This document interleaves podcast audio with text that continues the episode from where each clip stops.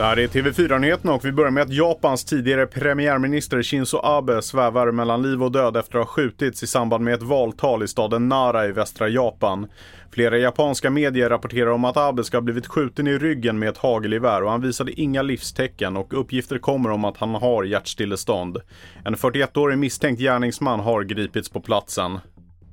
Vidare till Sverige där det brinner kraftigt i Jula och Willys butiker vid Erikslunds köpcentrum i Västerås. Räddningstjänsten har gått ut med ett VMA där man ber boenden i området att stänga fönster och dörrar samt ventilation.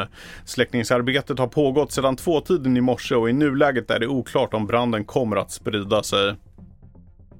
Sex länder har redan godkänt Sveriges NATO-ansökan och för att vi ska bli en fullvärdig medlem krävs godkännande från samtliga 30 medlemsländer.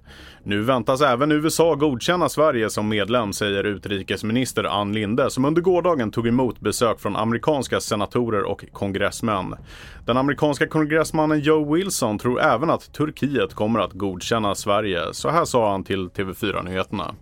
I believe this will all be worked out. And at the same time, I, it should be in the interest of Turkey to have the significance of Sweden and Finland as members of NATO.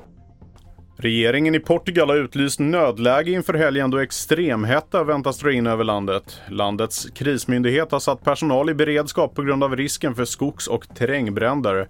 Portugal har senaste veckorna drabbats hårt av svår torka och i helgen väntas temperaturer på uppemot 43 grader. Mitt namn är Felix Bovendal och mer nyheter hittar du på tv4.se och i appen.